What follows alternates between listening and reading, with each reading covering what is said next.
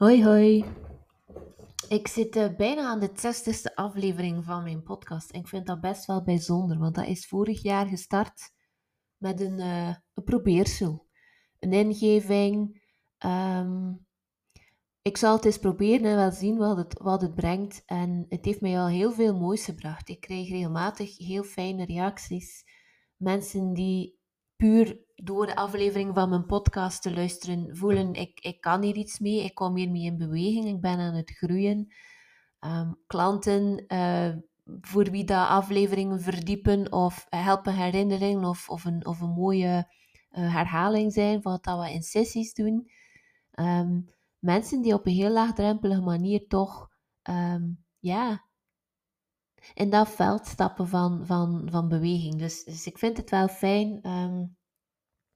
Ik vind het wel fijn om dit te ervaren. En luister jij af en toe of regelmatig en wil je mij helpen om nog meer mensen te bereiken? Um, weet dan dat je me een heel groot plezier doet door een aflevering te delen in je eigen netwerk of um, een review na te laten of een aantal sterretjes aan te duiden. Zo help je mij om nog meer mensen te bereiken. voor mij is dat een stukje mijn manier om op een laagdrempelige manier um, mensen de mogelijkheid te geven om in beweging te komen. Nu, waarover ik het in deze aflevering wil hebben, is over het stukje trauma, verwerking en integratie. Um, dat is nogal een hot topic in, uh, ja, in, in, persoonlijke groei of persoonlijke ontwikkeling. Um, en, maar ik merk dat er ook nog heel veel misverstand rond leeft. Want wat, wat is trauma? Waar, waaraan denk jij bij het woord trauma? Misschien, um, misschien denk je spontaan aan gruwelijke gebeurtenissen zoals misbruik, geweld, uh, oorlog, um, ja, die zaken. En dat, dat klopt, dat is trauma. Maar trauma is niet enkel die zware gebeurtenissen. En nogmaals, als jij luistert en jij um, hebt te maken gekregen met een van de dingen dat ik zo net genoemd heb, ja, dat, dat is bijzonder heftig. Dus ik hoop dat je jou kan laten begeleiden om daarmee in beweging te komen. En ik zie, ik hoor en ik voel je daarin. Um, en ik wil dat niet minimaliseren, want dat, dat is echt zwaar en heftig. Waar ik eigenlijk naartoe wil met deze aflevering is het stuk wel wat openbreken dat dit niet enkel trauma is. Dat trauma niet enkel de zware gebeurtenissen zijn en dat het niet alleen gaat over wat dat je overkomen is, maar ook over wat dat je hebt gemist. En dat elk van ons draagt trauma met zich mee. Ook als je denkt, ja, maar ik heb eigenlijk wel een, een, een vrij gelukkige jeugd gehad. Um, ik, ik, ik kan eigenlijk niet, niet echt heel, heel lastige dingen bedenken. Ook jij, moest jij daarin herkennen, ook jij draagt trauma met je mee. En Gabor Maté dat is een arts en een trauma- en verslavingsdeskundige, zegt: um, Trauma is not what happened to you, it is what happens inside of you as a result of what happened to you. Dus niet de gebeurtenis op zich veroorzaakt trauma, maar de lichamelijke en de emotionele reacties daarop kunnen tot in volwassen leven voor blokkades en voor uitdagingen zorgen. En ik duid dat even met een, simpel voorbeeld. Stel, er gebeurt iets. Je maakt, met een, je maakt een ervaring mee. En om het simpel te houden, uh, stel, een kind is aan het wandelen met een van de ouders in een park.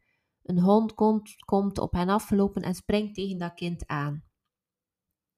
Die ervaring die doet iets met dat kind. Het roept een gevoel op of het brengt spanning teweeg. En de reactie van dat kind daarop kan zijn dat het schrikt, dat het in freeze gaat of begint te schreeuwen of begint te huilen. Nu, dat gevoel of die spanning ruimte geven, maakt dat het zich niet vastzet in het lichaam. En een helpende, co-regulerende houding van de ouder naar naartoe zou kunnen zijn dat de ouder troost biedt, erkenning biedt die emotie toelaat, ruimte geeft en helpt het kind reguleren um, met wat dat er gebeurt. Als dat gebeurt, dan komt er opnieuw rust en dan kan, kan, dan kan het kind opnieuw ontspannen, waardoor er op begripsniveau betekenis kan gegeven worden aan de situatie. Waardoor je bijvoorbeeld als ouder nadien, als de spanning wat gezakt is, als iedereen weer rustig is, kan uitleggen, vertelt over honden en hun gedrag, maar op het niveau dan van dat kind, zonder er oordelend op te reageren. En dat is hoe een ervaring, een, een traumatische ervaring, kan worden afgerond en niet noodzakelijk als ze zich als trauma in het lichaam gaat vastzetten. En dit is nu een heel simpel voorbeeld, ehm, maar dat kan over van alles gaan. Dat kan over ehm, stukken in jezelf gaan die er niet mochten zijn, die niet konden ontvangen worden, alleen gelaten zijn, ehm, angsten ervaren hebben en daar niet in gezien gehoord worden. Het kan over van alles gaan.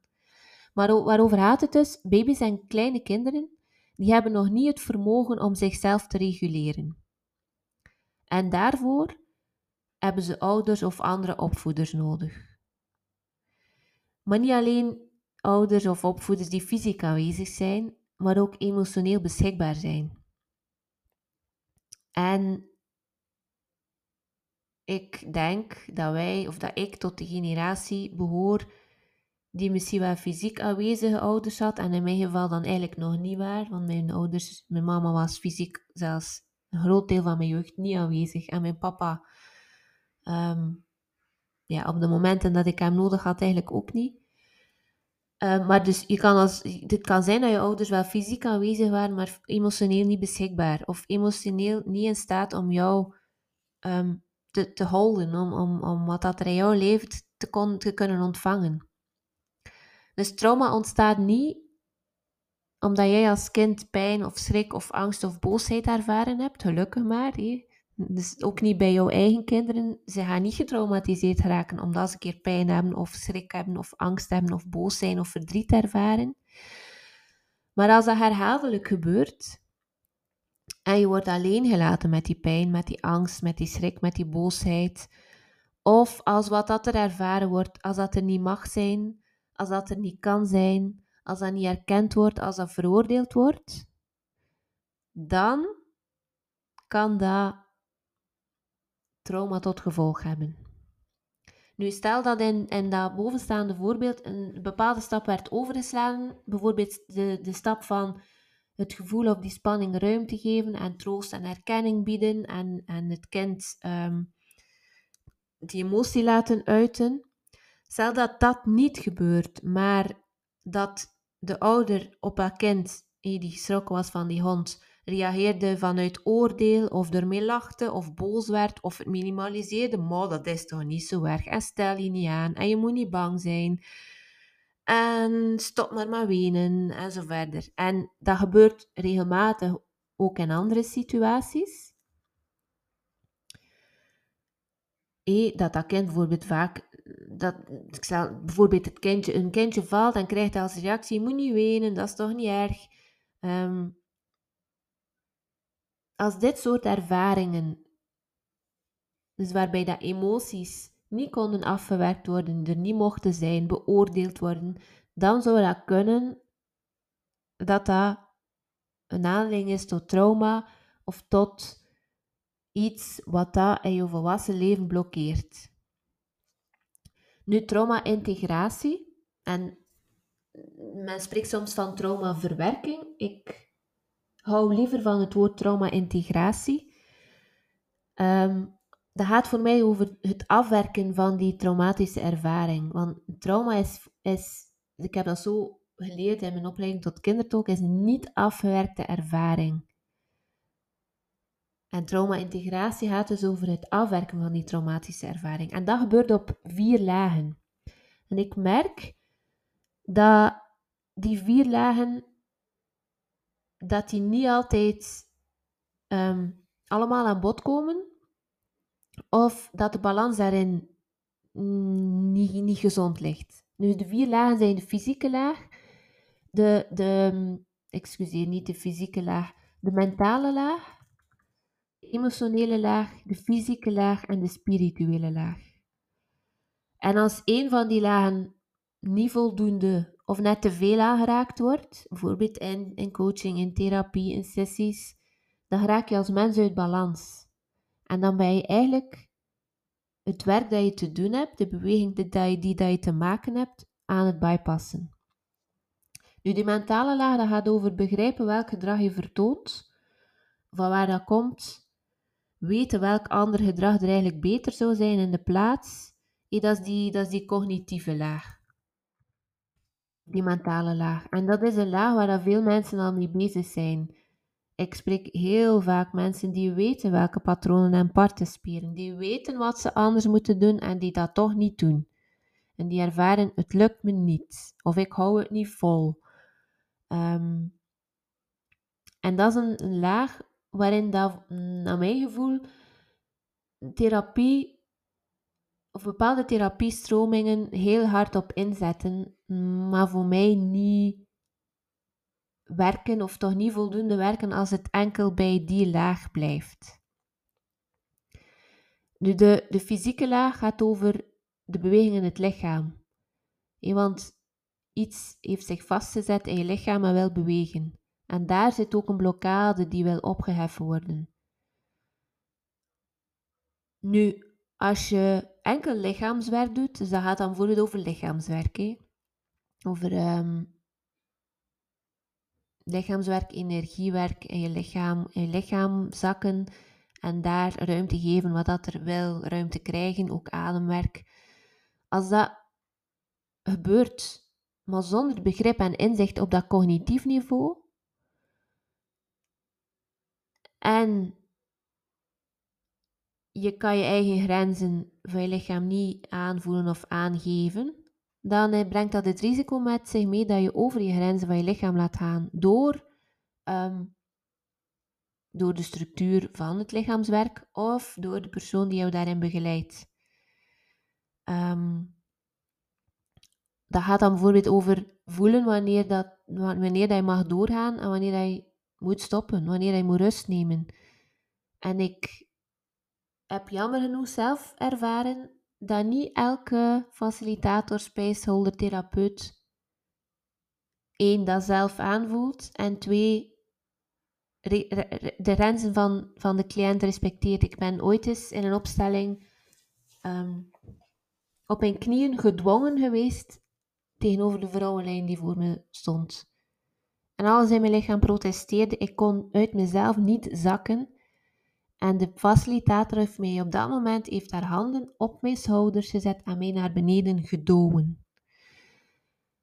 Dit is niet oké. Dit was niet oké voor mij en dit is niet oké om te doen als facilitator. En dat is iets wat ik zelf echt ehm, heel belangrijk vind. Dat ik respect heb voor je proces. Ik kan wel, ik kan wel voelen of denken waar, dat je, waar dat je moet bewegen.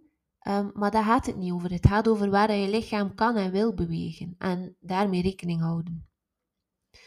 Nu, die spirituele laag, dan zie je nog in uh, de, de, vierde laag, is um, een kant die een grote opmars, opmars kent de laatste jaren. De zingeving van ons bestaan, het waarom van, um, dat alles wat op je weg komt, ook het onaangename, nodig was of is om, om je een of andere levensles te leren. Dat volg ik. Maar ook weer als je daar helemaal in blijft hangen, ja, dan ga je zweven en dan, dan neem je ook weer niet meer dat ownership. Want alles overkomt je toch maar omdat het je moet overkomen, omdat je dan daaruit iets te leren hebt. En dat klopt ook niet. Ehm, en dan ben je niet meer genoeg aanwezig en gegrond hier op aarde. Dan overkomt het je ook weer allemaal vanuit dat het je moet overkomen. En, en dat, dat klopt niet. En voor mij gaat het er hem over dat je, dat je wel contact hebt, dat je wel een lijntje hebt met hierboven en met dat spirituele, maar dat je echt ook wel op de grond, hier op aarde, stevig op de grond en grond blijft staan en in de realiteit blijft. En trauma-integratie, puur vanuit dat spirituele, hmm, ook dat bypast eigenlijk de beweging. En een volgende is ehm, emoties. Emoties uiten, dat is niet de heilige graal. Soms lees je of hoor je, wenen is helen. Ik ben er niet mee akkoord. Wenen is niet altijd helen. Wenen kan ook gewoon soms puur drama en verhaal zijn en in slachtofferrol blijven. Dat, dat klinkt nu hard of cru, maar dat is ook wat het is. Het is belangrijk dat je een onderscheid kan maken tussen de zuivere emotie en dus de effectief niet afgewerkte ervaring die een trauma veroorzaakt heeft. En het verhaal of de drama dat je daarbij gemaakt heeft, die daar tegenover staat. En dat laatste, dat is alles behalve helend als je daarin hangt en blijft hangen en, en, en jezelf blijft inwentelen. Dat is alles behalve helend. Het kan zelfs net een overlevingsmechanisme zijn om niet te gaan naar waar het echt over gaat. En als spaceholder, als gids, heb ik dat aan te voelen. En ik, ik stop mensen in sessies regelmatig die in herhaal of drama zijn. Ik stop ze letterlijk, want dit is niet helpend voor het proces. Um,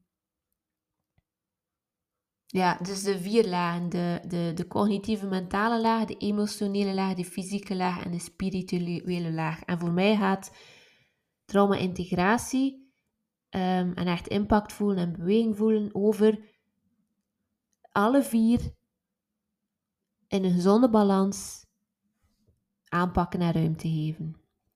Nu als, als ouder, als je, stel dat je moeder of vader bent als je dit luistert, dan ben je misschien ook wel al bezig geweest met ik moet mijn kind zoveel mogelijk behoeden voor trauma. Dat is toch althans waar dat ik een tijd mee bezig geweest ben.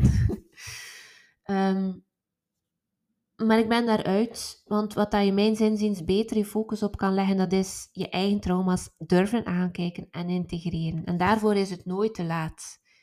Um, ik, kan dat, ik kan daar op elk moment mee beginnen, het is daar nooit te laat voor. Alleen, je kan dat niet alleen. Dus als je iets wil doen voor je kind en voor jezelf, zoek iemand die jou daarin kan begeleiden. Zoek iemand bij wie je je veilig voelt. En zoek iemand bij wie dat elk van bovenstaande lagen in de juiste balans aan bod komt. En ja, als je hier naartoe luistert, als je al tot hier geluisterd hebt, als je regelmatig luistert of misschien mij volgt op Instagram, weet dan dat je daarvoor bij mij terecht kan. En meer informatie over wie ik ben en hoe ik werk vind je op mijn website www.hadekoppeltekenc.be. Daar kan je ook een gratis groeigesprek aanvragen. In dat gesprek vraag ik je om een voorbereidende vragenlijst in te vullen. Dat op zich doet je wel stilstaan bij waar ben ik nu en waar wil ik naartoe.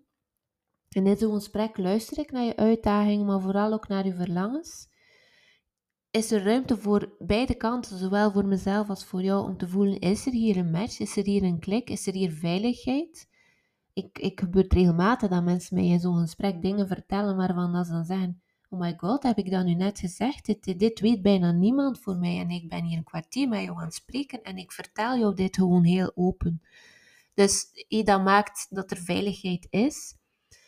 Ehm, en als, als alles als alles aanwezig is, de klik, de veiligheid, de match, ehm, dan kan ik ook iets vertellen over hoe wij samen op pad kunnen gaan en kunnen we daarin afstemmen. Ik ben um, in verlof tot van eind deze week tot en met 7 augustus, dus daarna kun je weer gesprekken aanvragen en ja, ik ben benieuwd. Um, het is vrijblijvend, je haalt er sowieso iets uit en ik uh, zou het heel fijn zijn om jou op deze manier te mogen ontmoeten. Dankjewel voor het luisteren. Oh ja, misschien nog op mijn website bij de Draag je Kracht event staan al de data voor het najaar van de Draag je Kracht dagen en de halve Draag je Kracht dagen en de kind, je, kind als spiegelworkshop. Dus daarvoor kun je inschrijven nu nog aan de early bird. Um, dus voel je, dit is mijn stap, heel erg welkom. Dankjewel voor het luisteren. Vond je dit interessant of relevant? Deel gerust in je netwerk. En um, ik vind het ook altijd fijn om te horen wat je eruit haalt via een berichtje op Instagram of via mail hello.hadekoppeltekenc.be. Dada!